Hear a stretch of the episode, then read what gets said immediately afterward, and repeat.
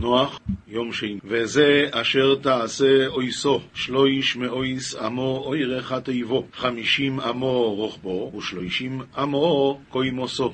אומר התרגום ודין דתעבד יתה, תלת מאה אמין אורכה דתיבותא, חמשין אמין פתיה, ותלתין אמין רומה. רש"י. צוהר, יש אומרים, לא, זה עוד לא למדנו, אין רש"י על זה, פסוק הבא, פסוק ט"ז, צוהר תעשה לה תיבו ואל עמו, אל עמו תכלנה, תכלנו מלמעלו, ופסח התיבו בצידו עושים, תחתיים שניים ושלישים תעשהו. אומר התרגום נאור תעבד לתיבותה, ולעמלתה תשכללינה מלעילה, ותרעה דתיבותה בסתרה, תשבי מדורין ארעין תניינין ותלתין, תעבדי תעבדינם. רש"י, צוהר, צוהר תעשה לתיבה, אומר רש"י, יש אומרים חלון ויש אומרים אבן טובה מאירה להם. זאת אומרת, יש שני פירושים מה זה נקרא צוהר, אם זה חלון או אבן טובה שמאירה. במה זה תלוי? אומרים המפורשים, זה תלוי איך להסביר את נוח איש צדיק תמים היה בדורותיו. למה? הדין הוא ככה, שכשהקדוש ברוך הוא עושה אה, פורענות למישהו, השאלה אם אני יכול להסתכל או לא. השאלה אם זה בא בזכותי ואני ראוי, אז אפשר לראות מפלתם של רשעים, אבל אם זה לא, אני לבד, השם ישמור, מי שבגללו נעשה כמו אצל לוט, השם הציל אותו אמנם מה, מהמהפכה, אבל הוא לא היה ראוי. ממילא, אז היה אסור לו להסתכל אחורה, אל תבט אחריך. ואשתו שהסתכלה נהייתה נציב מלח, אז בזה זה תלוי. אם נניח שנוח צדיק היה בדורותיו וכל שכן בדור של אברהם אבינו, נו אז בוודאי, מותר לו להסתכל, אז אם ככה יעשה חלון. אבל אם אני אומר שבדורותיו הכוונה, רק בדורותיו הוא נקרא צדיק, בדור אחר הוא לא היה נקרא צדיק, ממילא אסור לו להסתכל על הפורענות של הדור שלו. ולכן צוהר זה רק אבן טובה.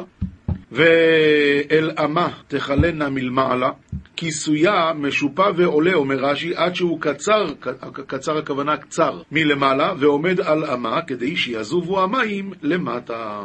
בצידה תשים שלא יפלו הגשמים בה. אם תעשה חלון וזה יהיה למעלה, אז ייכנס מים. אבל אם אתה עושה את זה בצד, והשיפוע של הגג הוא מעל זה, אז לא ייכנס מים. תחתיים, שניים ושלישים תעשיה, אומר רש"י, ג' עליות זו על גב זו, עליונים לאדם, אמצעים למדור, ותחתיים לזבל. אז טוב, אז דבר ראשון, קודם כל, איך לעשות את התיבה. דבר שני, אומרים המפרשים, למה דווקא ג' עליות זו על גב זו, לפי שנחתם גזר דינם על הגזל. עכשיו יש לנמלה שני דברים. דבר אחד כתוב בחז"ל שהנמלה נזהרת מגזל. דבר שני, הנמלה, כשהיא עושה את הקן שלה, היא עושה של... שלוש מדורים. המדור העליון לא שמה בו כלום, למה? שמפני הדלף, שלא ייכנס מים מהגשם. המדור התחתון היא לא שמה בו כלום מפני ההבל, כי האדמה מוציאה הבל. אבל המדור האמצעי, שם שמים את הדברים. אז נמלה עושה שלוש מדורים. בא הקדוש ברוך הוא ואמר לנוח, תעשה לך תיבה. רק מה, הואיל וכל הגזר דין שלהם נגזר בגלל גזל, אז אתה תעשה תיבה כזאת שמורכבת מורכבת משלוש מדורים, כדי שהם יזכרו, או שלכל הפחות ינסו להיזכר, מה הסיבה שהם מקבלים כזה עונש גדול. הכל בגלל שנחתם גזר דינם על הגזל. דבר נוסף, לומדים מפה את ההתייחסות שצריכה להיות לבן אדם כלפי הסביבה שלו. הדבר הראשון, המדור העליון לאדם. ההתייחסות הראשונה במעלה צריכה להיות לבן אדם. וכל השאר הוא טפל. הדבר הראשון זה האדם. אחר כך, סוג, אה, ההתייחסות הפחות חשובה זה כבר למדור. הבן אדם צריך גם תנאים. אז טוב, התנאים של האדם צריכים להיות, אבל בדרגה שנייה. והדרגה האחרונה, תחתיים לזבל. ולא כמו אלה שיש כאלה שדואגים לסביבה ודואגים לזה, וזה הכל עוד לפני הבני אדם. זה לא הולך ככה. צריך להיות התייחסות נורמלית, עליונים לאדם, תחתיים למדור, והשלישי, וה, וה, והאמצעיים למדור והתחתיים לזבל. אני נזכר מייסה נחמד, שנדמה לי על רב מוישה פיינשטיין מסופר, שפעם אה, באו להגיד לו שהמונית מחכה בחוץ. המונית מחכה בחוץ. אז הוא אמר, אני הייתי ברוסיה, וגם ברוסיה הייתי רב. ויום אחד הזמנתי באמת אה, עגלון שיבוא לקחת אותי, אז אמרו, העגלון מחכה. פה באמריקה אומרים, המונית מחכה. אומר, פעם ההתייחסות הייתה לבן אדם, העגלון מחכה. עכשיו לא, המונית מחכה. העגלון, את מי מעניין הנהג? העיקר המונית מחכה. צריך שיהיה סדר, אה, אה, איך זה נקרא, פרופורציות נכונות לחיים. רבו ישראל, יש כאן עוד דבר מאוד מאוד יפה שהמפורשים אומרים, מביא את זה הילקוט הגרשוני, אבל כבר אומרים את זה, אומרים ככה, יש מילה שנקראת, לא עלינו, צרה, צדיק, ריש, ה', צרה. יש מילה שמורכבת מאותן אותיות, אבל אדרבה זה דבר טוב, צוהר, צוהר תעשה. בואו ניקח את המילה צרה ונהפוך אותה לצוהר. איך עושים את זה? את הצדי משאירים באותו מקום, בצד. רק את ההי ואת הריש מחליפים את מקומם, ואז במקום צרה זה הופך להיות צוהר. וזה מה שכתוב כאן בפסוק. צוהר תעשה לתיבה. במקום צרה יהיה צוהר. התיבה הכוונה מילה. מילה נקראת תיבה. אז אם כן, צוהר תעשה לתיבה. ואל אמה תכלנה מלמעלה. מה זה אמה? ראשי תיבות אלוקים, שזה מידת הדין. אמה ראשי תיבות אלוקים מידת הדין. אז ואל אמה, אלוקים מידת הדין, תכלנה מלמעלה. שלא יבוא מלמעלה מידת הדין. עכשיו, איך עושים את זה? אז כך, פתח התיבה זה האות צדי, שהיא פותחת את המילה, בצידה תשים, תשאיר אותה באותו מקום, בצד. אה, לגבי ההי והריש, ריש והי, תחתיים, שניים ושלישים תעשה, את ההי ואת הריש תחליף בין השניים לשלישים. ככה תעשה מצרה צוהר, וזה נחמד מאוד. פסוק הבא, פסוק י"ז, ואני הנני מביא את המבול מים על אורץ לשכיס כל בוסור אשר ברוח חיים מתחת השומועים. כל אשר באורץ יגבור, אומר התרגום בהנה, האנה מייטי התופנה מיה על הרעה לך בלה כל בישרדי בירוחה דחיי מתחות שמעיה כל די בהרעה ימות. אומר רש"י, ואני הנני מביא, הנני מוכן להסכים עם אותם שזרזוני ואמרו לפניי כבר, מה אנוש כי תזכרנו. עכשיו אני מוכן להסכים איתם. ומה אני אביא על העולם? מבול. הנני מביא את המבול מים. מה זה מבול? מאיפה הגיעה המילה הזאת? אומר רש"י, מבול שבילה את הכל, שבלבל את הכל, שהוביל את הכל מן הגבוה לנמוך. וזהו לשון אונקלוס שתרגם תופנה. מבול, אומר אונקלוס, זה תופנה. למה? תופנה שהציף את הכל והביאם לבבל שהיא עמוקה, לכך נקראת ארץ שנער. מה זה ארץ שנער? שננערו שם כל מתי מבול. אז אם כן, תופנה זה מלשון להציף. השם הציף את כל העולם, וכל מתי המבול ירדו למקום הכי עמוק. ומהו המקום הכי עמוק? עיראק, שהיא מדינה מאוד נמוכה. זהו, זה הרש"י הזה, רק יש באמת במפרשים עוד סיבה שזה נקרא מבול, כי המבול ירדו מים 40 יום. הם אמנם שהו על האדמה יותר זמן, אבל לרדת מן השמיים ירדו 40 יום. אז זה מ', ובאיזה חודש זה היה? בחודש חשוון. וחודש חשוון איך נקרא בנביא? חודש בול. יוצא שזה מה? בול. מ' יום היה המבול, ובאיזה חודש זה היה? בחודש בול. אנחנו בפסוק אחרון להיום, והקימו איסי אס בריסי איתוך ובוסו אל התיבו עתו ובונכו ואשתכו ונשי בונכו איתוך יד קיאמי עמך ותיאו לתיבו תעת ובנך ואיתתך ונשי ונח עמך אומר רש"י והקימותי את בריתי ברית היה צריך על הפירות שלא ירקבו ויעבשו הרי הכניס אוכל כולנו יודעים מה קורה לתפוז או לכל כל פרי אחרי כמה זמן הוא נרקב. היה צריך פה ברית מיוחדת שהאוכל לא, לא ירקב ולא יתעפש וגם שלא יהרגוהו רשעים שבדור. אתה ובניך ואשתך תבואו אל התיבה למה הוא מחלק בין אתה ובניך לבין אשתך? אז הוא אומר האנשים לבד והנשים לבד מכאן שנאסרו בתשמיש המית למה? שבשעה שהעולם בצער אסור לשמש מיתתו. עד כאן הפסוקים מהתורה ליום שני של פרשת עכשיו אנחנו עוברים לנביא ישעיהו פרק ג' פסוק ד' וד' ה' ו' ז' אומר הנביא אכן חוליינו הוא נסע להזכירנו. אתמול למדנו בעניין או עם ישראל או המשיח שהגויים בהתחלה ביזו אותם ואחר כך או לא מאמינים זה? זה מי שביזינו ככה? אז עכשיו הוא ממשיך הלאה. עכשיו הגויים בעצם מגיעים למסקנה אכן חוליינו הוא נסע ומכאובינו סבלם ואנחנו חשבנו הוא נגוע מוכה אלוהים ומעונה והוא מחולל מפשענו מדוכא מעוונותינו מוסר שלומנו עליו ובחבורתו נרפא לנו. אומרים הגויים עכשיו אנחנו מבינים מה פה היה. אנחנו חשבנו שבני ישראל סובלים בגלל שהם לא בסדר כי השם לא אוהב אותם. כל האומות חיים באושר ואושר ורק הם סובלים כי השם לא אוהב אותם. עכשיו התברר לא אכן מה שבני ישראל סבלו אכן חוליינו הוא נשא. עם ישראל סבלו את, ה, את החטאים של כל העולם כולו והוא מחולל מפשענו בגלל מי הם סבלו? מהפשעים שלנו מדוכא מעוונותינו. אומר רש"י אכן חוליינו הוא נשא כל הרשעים מתכפרים בייסורים של ישראל. ואנחנו חשבנו נגוע מוכה אלוהים ומעונה.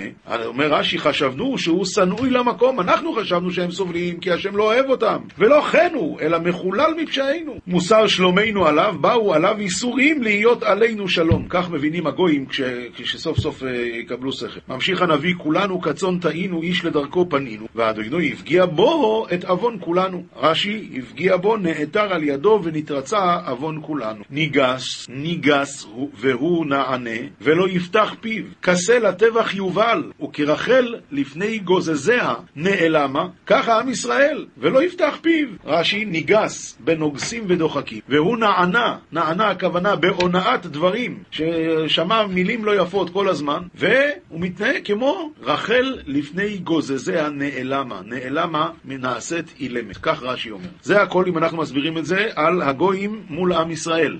אבל לפי הפירוש שמדובר פה על המשיח, אכן חוליינו הוא נשא, אז מי יגיד את הפסוקים האלה? עם ישראל אומר את הפסוקים האלה. כשעם ישראל מסתכל על המשיח ואומרים, אוי, המשיח נמצא בשערי רומי, כולו מוכה שכין ומחליף תחבושות וכל מה שהגמרא שמה אומרת בסנהדרין, אז אם כן, אכן חוליינו הוא נשא, ומחובנו סבלם, ואנחנו חשבנו שהוא הנגוע, מוכה אלוקים ומעונה. והאמת היא, לא, והוא מחולל מפשענו, מדוכא מעוונותינו. באים בני ישראל ואומרים, כולנו כולנו כצאן טעינו, איש לדרכו פנינו. מה זה כולנו כצאן טעינו? כל אחד מאיתנו עשה הכל לשם שמיים, אבל השמיים כסאי. כל אחד מאיתנו חשב רק על עצמו, ועל מה יצא לו מזה, ואיך יהיה לו מזה, או כסף או כבוד, או, או מה שלא יהיה. לא חשבנו, לא חשבנו על כבוד שמיים, לא חשבנו על, ה, על, ה, על, ה, על הכבוד שמיים המחולל בגלות, וזה הכוונה, כולנו כצאן טעינו, איש לדרכו פנינו, והשם הפגיע בו, במשיח, את עוון כולנו. ככה מסבירים המפרשים, אם אנחנו מדברים מדברים על המשיח. עד כאן בנביא ישעיהו ליום שני של פרשת. משלי, פרק א', פסוק ל"ג, ופרק ב', פסוק א', ב', ג', זה להיום. הפסוק האחרון של היום מסיים את כל הפרשה שהוא דיבר בפרק א', שהוא אומר, אם אתם לא תשמעו לתוכחתי, אז גם כשאתם תסבלו ואז תצעקו, אני לא אשמע אתכם. וכאן הוא מסיים, ושומע לי, ישכון בטח, ושאנן מפחד רעה. מי שכן שומע להשם, מי שכן מקבל את מה שהשם אומר, אז ישכון בטח. בטח ושאנן מפחד רעה, שאנן רש"י אומר שקט, מפחד רעה של הגהן. זהו. עכשיו, פרק ב', אומר שלמה המלך, בני, אם תיקח אמריי ומצוותיי תצפון איתך. בני, מה הכוונה בני אומר רש"י? בני תהיה אם תיקח אמריי. אם אתה תשמע למה שאני מדבר איתך, אז אני יכול לקרוא לך בני. אני היום ילידיתיך. אם אתה שומע למה שאני אומר, ואתה באמת מקיים את הדברים, אז אתה כמו הבן שלי. אז בסדר גמור. אז בני, אם תיקח אמריי. אם תיקח את אמריי תהיה. ומצוותיי תצפון איתך, מה? להקשיב לחוכמה אוזניך, תטה לבך לתבונה. האוזניים שלך יקשיבו לחוכמה, והלב שלך ייקח את התבונה, כי אם לבינה תקרא, לתבונה תיתן קולך. הוא מסביר פה המפרש, אם תקרא לבינה ותיתן קולך לתבונה, כדרך הקורא לחברו כשרוצה להתקרב אליו. בקיצור, אדם צריך להיות משתויקק, להשתוקק לשמוע דברי תורה, להשתוקק לשמוע דברי מוסר. כי ככל שאנחנו משתוקקים יותר, ככל שאנחנו צמאים יותר לשמוע, ככה הדברים נכנסים יותר, ואז, אומר שלמה המלך, אני אקרא לך בני, אני אהיה מוכן לתת לך את הכל. עד כאן, משלי ליום הזה. אנחנו עוברים, ל... אנחנו עוברים למשנה, מסכת שבת, פרק ב'. זו המשנה המפורסמת מאוד, פרק מפורסם שאומרים אותו כל שבת אצל הספרדים ואצל האשכנזים, נוסח אשכנז. אומרים את זה כל שבת בליל שבת בתפילה. במה מדליקין ובמה אין מדליקין. המשנה דנה באיזה פתילות ובאיזה שמנים מותר להשתמש כדי להדליק נר של שבת. אז דבר ראשון, אין מדליקין, לא בלחש, כאן מדברים על סוגי הפתילות שלא מדליקים בהם, לא בלחש. הרב אומר, כמין צמר יש בארז בין הקליפה לעץ וקרוי לחש. ולא בחוסן, חוסן זה פשטן שאינו מנופת. ולא בחלך, פסולת של משי. ולא בפתילת העידן, כמין צמר יש בערבה, בעץ שנקרא ערבה, בין הקליפה לעץ. ולא בפתילת המדבר, עלי עשב ארוך שגודלים אותם, גודלים, ומדליקים בהם. ולא בירוקה שעל פני המים. כשיש מים הרבה זמן, אז נהיה ירוקת. אז הירוקת הזאת, אם אתה עושה ממנה פתילה, אסור להדליק בזה בשבת.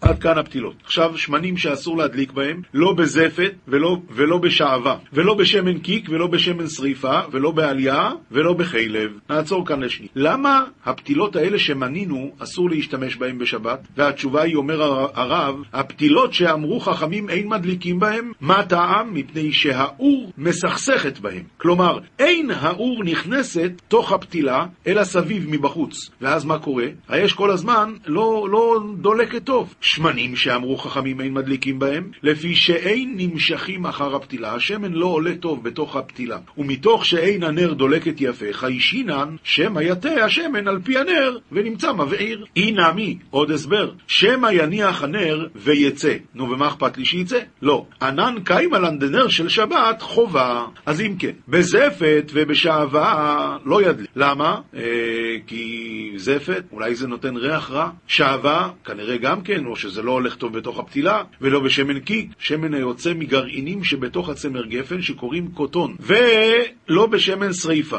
כאן אנחנו נכנסים להלכה חדשה. מה זה שמן שריפה? שמן של תרומה, שנטמע, אז הכהן אסור לו לאכול את זה. תרומה שנטמעה, אוי ואבוי, מי שאוכל את זה חייב מיתה, מיתה בידי שמיים. אז מה כן? צריכים לשרוף את זה. אבל הדין הוא שאסור לשרוף שמן שריפה בשבת. ממילא, אין מדליקים בין שמן שריפה, וזה אסור.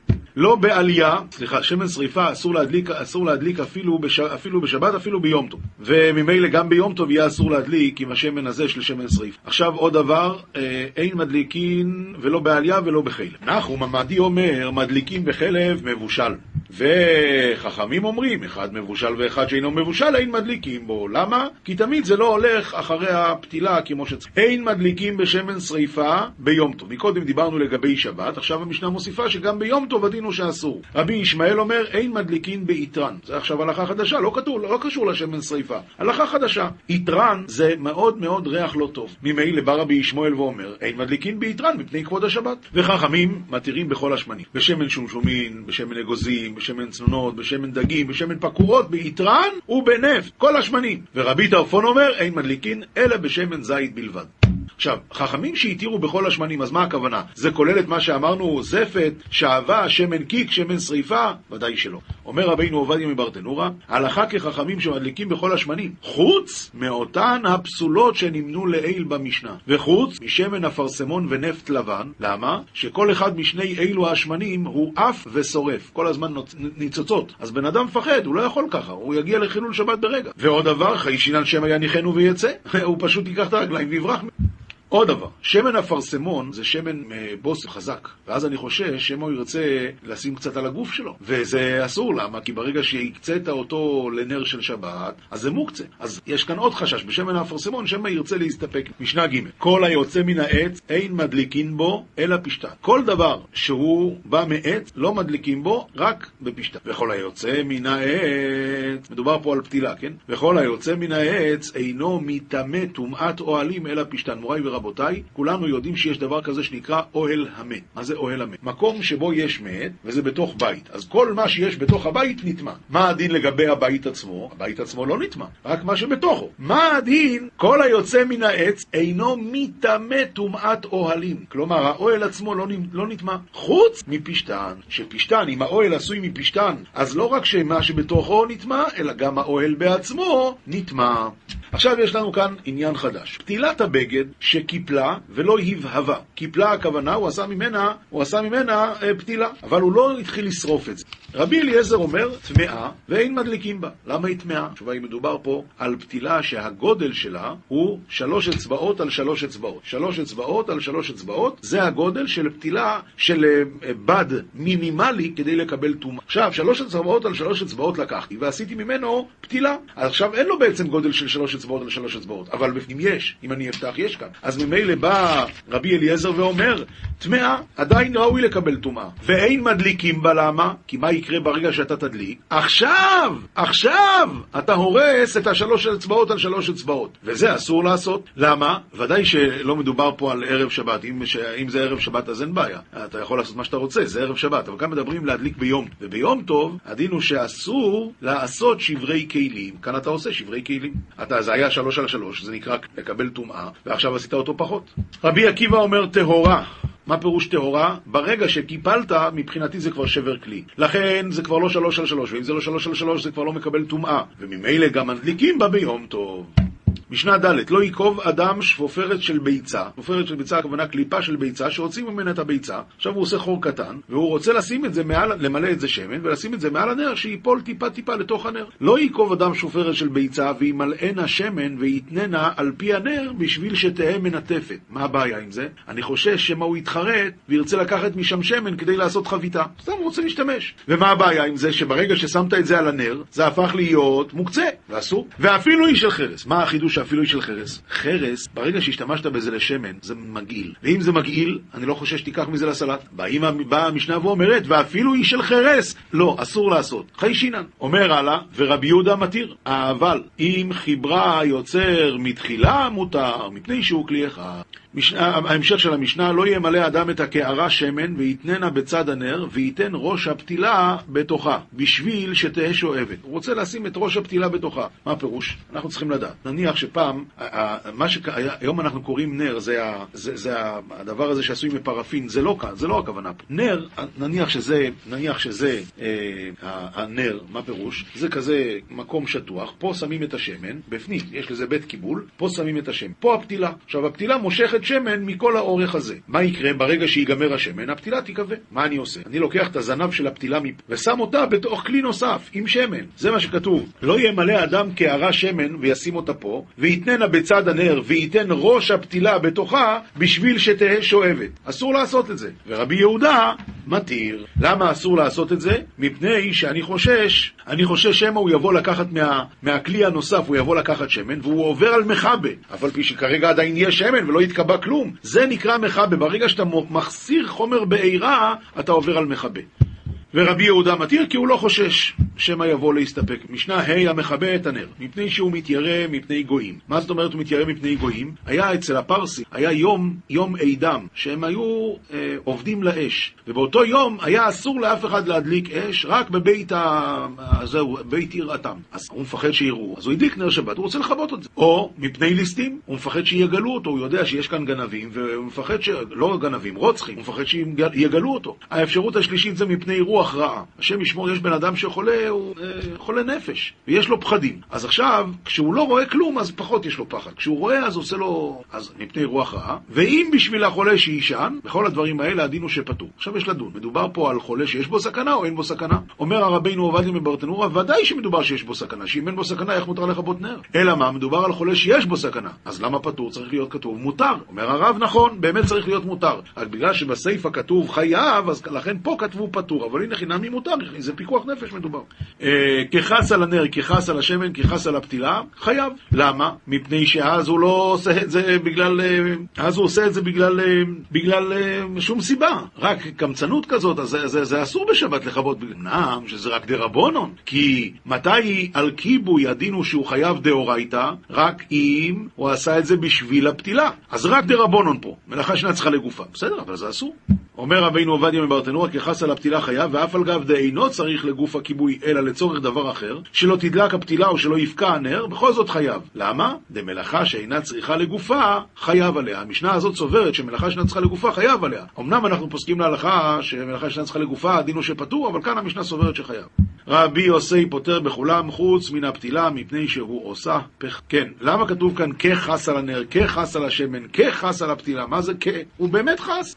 אומרים המפרשים שהדין הוא כתוב בגמרא במסכת ביצה, כל מזונותיו של אדם קצובות לו מערב, מערב שבת, מ, סליחה, מראש השנה עד ראש השנה, חוץ מהוצאות שבת ויום טוב והוצאות בניו ללימוד תורה. יוצא אם כן, שה... יוצא אם כן שכשבן אדם חס על הנר, חס על הפתילה, הוא נדמה לו שהוא חס. האמת היא שזה לא על חשבונו, כי הרי זה לבוא, בכלל לא, זה לא, זה, זה לא על חשבונך, זה צ'ק פתוח מהבוירו אילום. רק נדמה לך שאתה חס. כחס על הנר, כחס על השמן, כחס על הפתילה, הדין הוא שחט. משנה ו' על שלוש עבירות נשים מתות בשעת לידתן. שעת לידה זה סכנה, וכשבן אדם נמצא בשעת סכנה, דנים אותו. אז באים ואומרים לנו, יש שלוש מצוות שתלויות באישה, שמוטלות על האישה. ממילא, כשאישה חס וחלילה לא מתנהגת בהם כשורה, אז זה בשעת סכנה, כמו בשעת לידה, דנים אותה עליהם. מה הם? על שאינן זהירות בנידה, ובחלה, ובהדלקת הנר. שלושת המצוות האלה תלויות באישה בכל בית יהודי. אצל העדות המזרח נוהגים ערב החתונה, עושים מסיבה שנקראת חינה.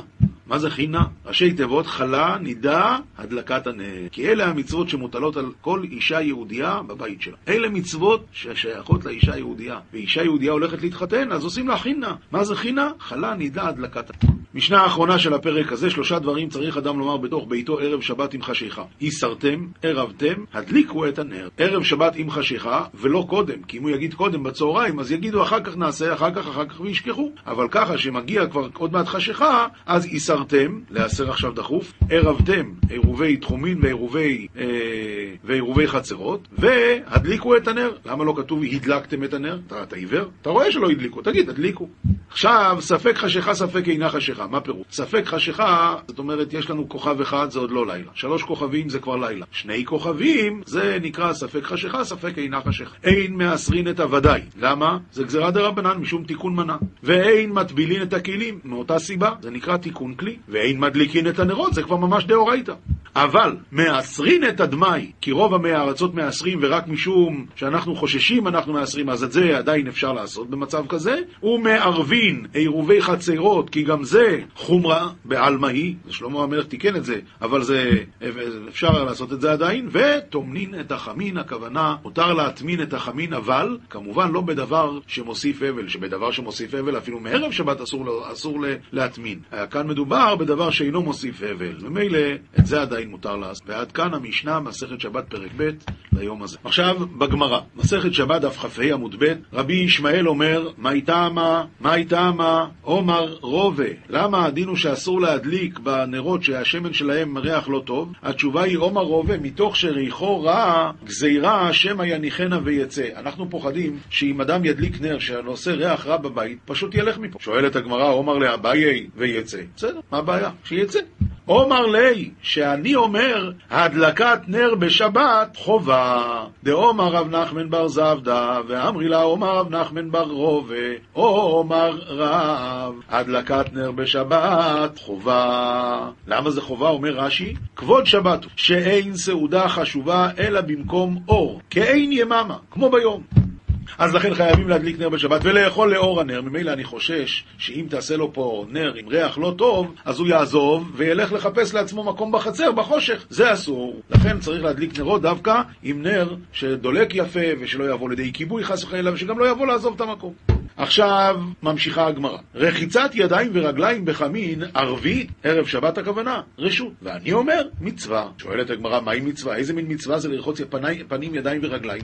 דאומר רב יהודה עומר רב, כך היה מנהגו של רבי יהודה בר אילוי, ערב שבת, מביאים לו עריבה מלאה חמין, ורוחץ פניו, ידיו ורגליו. הוא מתעטף, ויושב בסדינין המצויצין, מצויצין הכוונה עם ציצית, ודומה למלאך השם צבקות. והיו תלמידיו מכבין ממנו כנפי כסותן. מה זאת אומרת? היה להם, אה, אה, היה להם בגדים בלי ציצית, אז היו מחביאים את זה. אומר להם, בניי, לא כך שניתי לכם, למה אתם לא שמים ציצית? מה הסיבה שהם לא שמו? הם פחדו שזה עניין של כלאיים, כי הדינים האלה זה היה מפשתן, והציצית זה מצמר, אז הם פחדו שזה כלאיים. והוא אומר להם, אמר להם, בניי, לא כך שניתי לכם, סדין בציצית, בית שמאי פוטרין, ובית הלל מחייבין, והלכה כדברי בית הלל. אז למה אתם לא שמים ציצית? ואין הוא, למה באמת התלמידים לא שמו ציצית? את הגמרא, סברי גזירה משום כסות לילה. הם פחדו שבלילה זה פטור מציצית, וממילא בלילה, אם יישאר להם הציצית של צמר על הבגד של פשתן, הרי הם עוברים על, על הכלאיים. אבל הלכה כבית הלל שלא צריכים לחשוש לזה. כמובן כשיש לנו את התכלת. כשהיום אין לנו את התכלת, אסור לעשות את זה. אומרת הגמרא עוד קצת, ותזנח משלום נפשי, נשיתי טובה.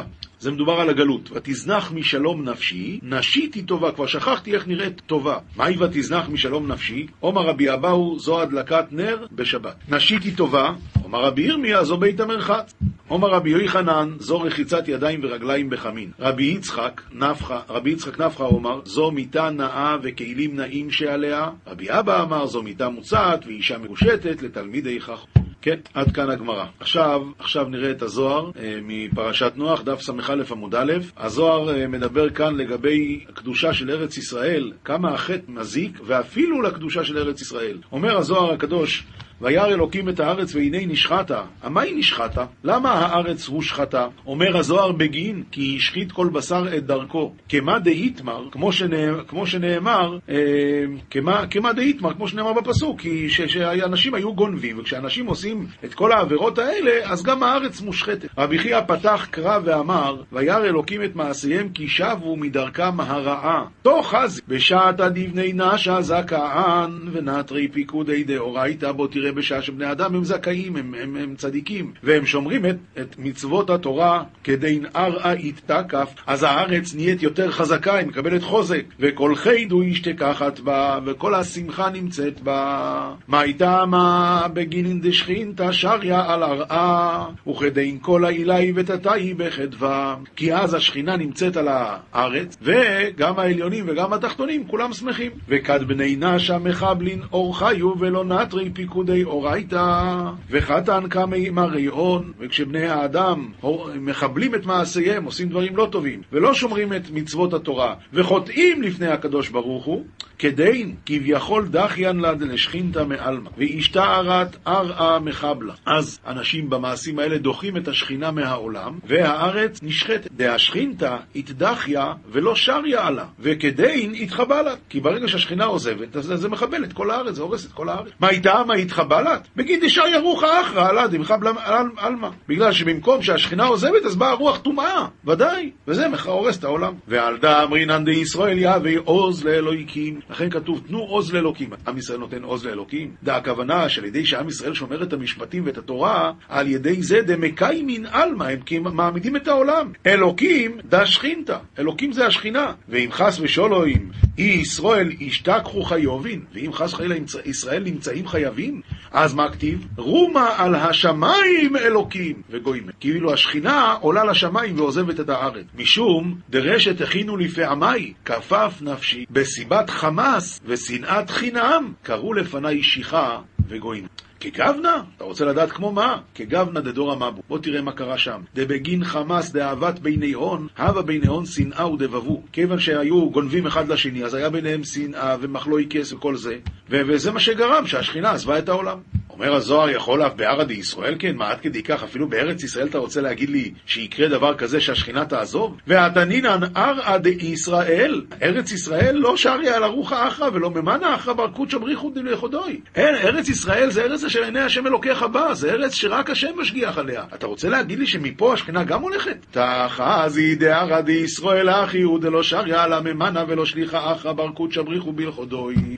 כן, כן, אתה יכול לראות באמת ארץ ישראל, רק השם משגיח עליה. אבל כשעושים צרות ועושים שטויות, שעתה חדה שריה עלה לחבלה בני נשה.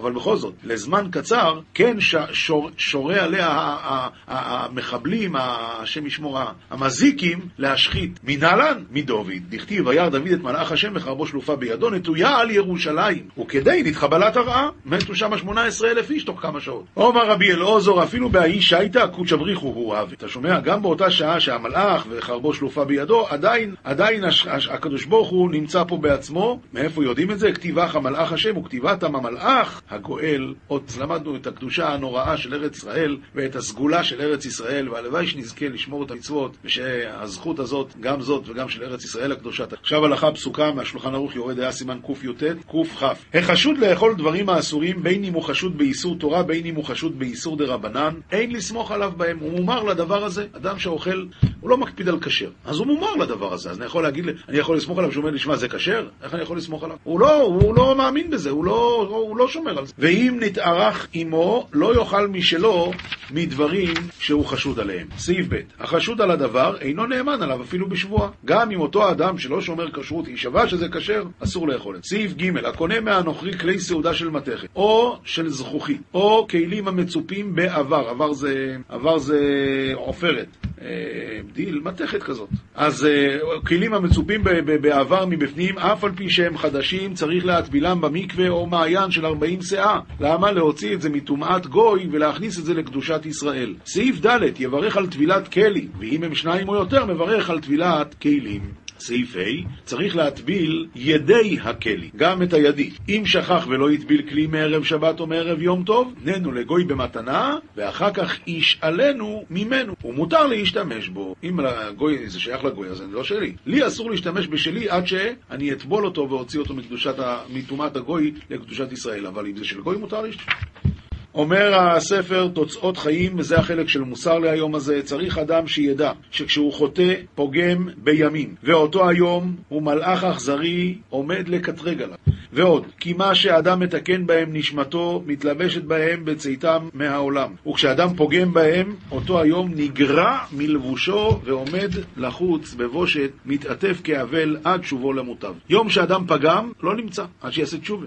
ואמרו, ווי להוא דגרע יומין לעילא, ווי ליה ווי לנפשיה דדיינין ליה בגיהנום על אינון יומין. יומין על יומין על חד תריין. זאת אומרת, קלקל יום אחד, נידון בגיהנום על שניים, ודון מכאן, תלמד מפה, דכיוון שמענישים אותו על כל יום שני ימים ויותר, שכן ראוי שיהיה התשובה. אם אדם עושה תשובה, אז על יום אחד שחטא צריך לעשות יומיים תשובה. והתורה והמצווה, גם כן, על חד תריין, כנגד הימים שפגם. עוד פירשו המפרשים, שב-12 שעות היום וכן בלילה מתגלגלות 12 צירופי י' ק' ו' ק' בכל שעה צירוף אחר, צירוף אחד. ואם חס ושלום פוגם, הוא פוגם באותה הוויה והוא מורד באדוניו. עוד פירשו, ובהכי כורסיה איהי פגימא מחוביהון דישראל. חלילה האדם פוגם בכיסא הכבוד. וצריך האדם לירום מלפגום, כי מהפגם מגיע לשכינה המתלבשת בכיסא, והיא מסתלקת מהכיסא בהיותה פגומה. ועוד, שהנשמות כולן מצוירות בכיסא, כמו שפירש רבי שמעון בר יוחאי בתיקונים שבעניין סימי נקרתם, ובהיות האדם פוגם, מחשיך שורש נשמה המצוירת בכיסא. אבו ישראל, תשמעו, יש כאן דברים גבוהים, לא יודע אם זה שייך אלינו, זאת אומרת, מה אנחנו מבינים בדברים האלה בכיסא, צירופי שמות הוויה,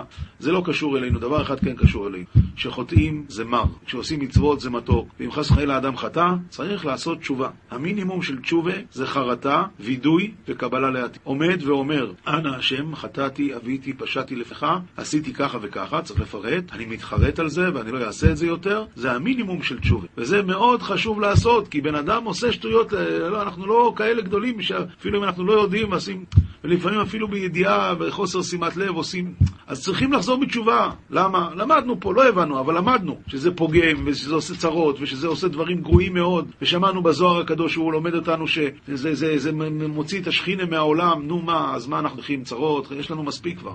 יהי רצון מלפניך, השם אלוקינו, שנזכה לעשות רצונך, ושהשם ייטיב לכל עם ישראל, אמן ואמן, שלום.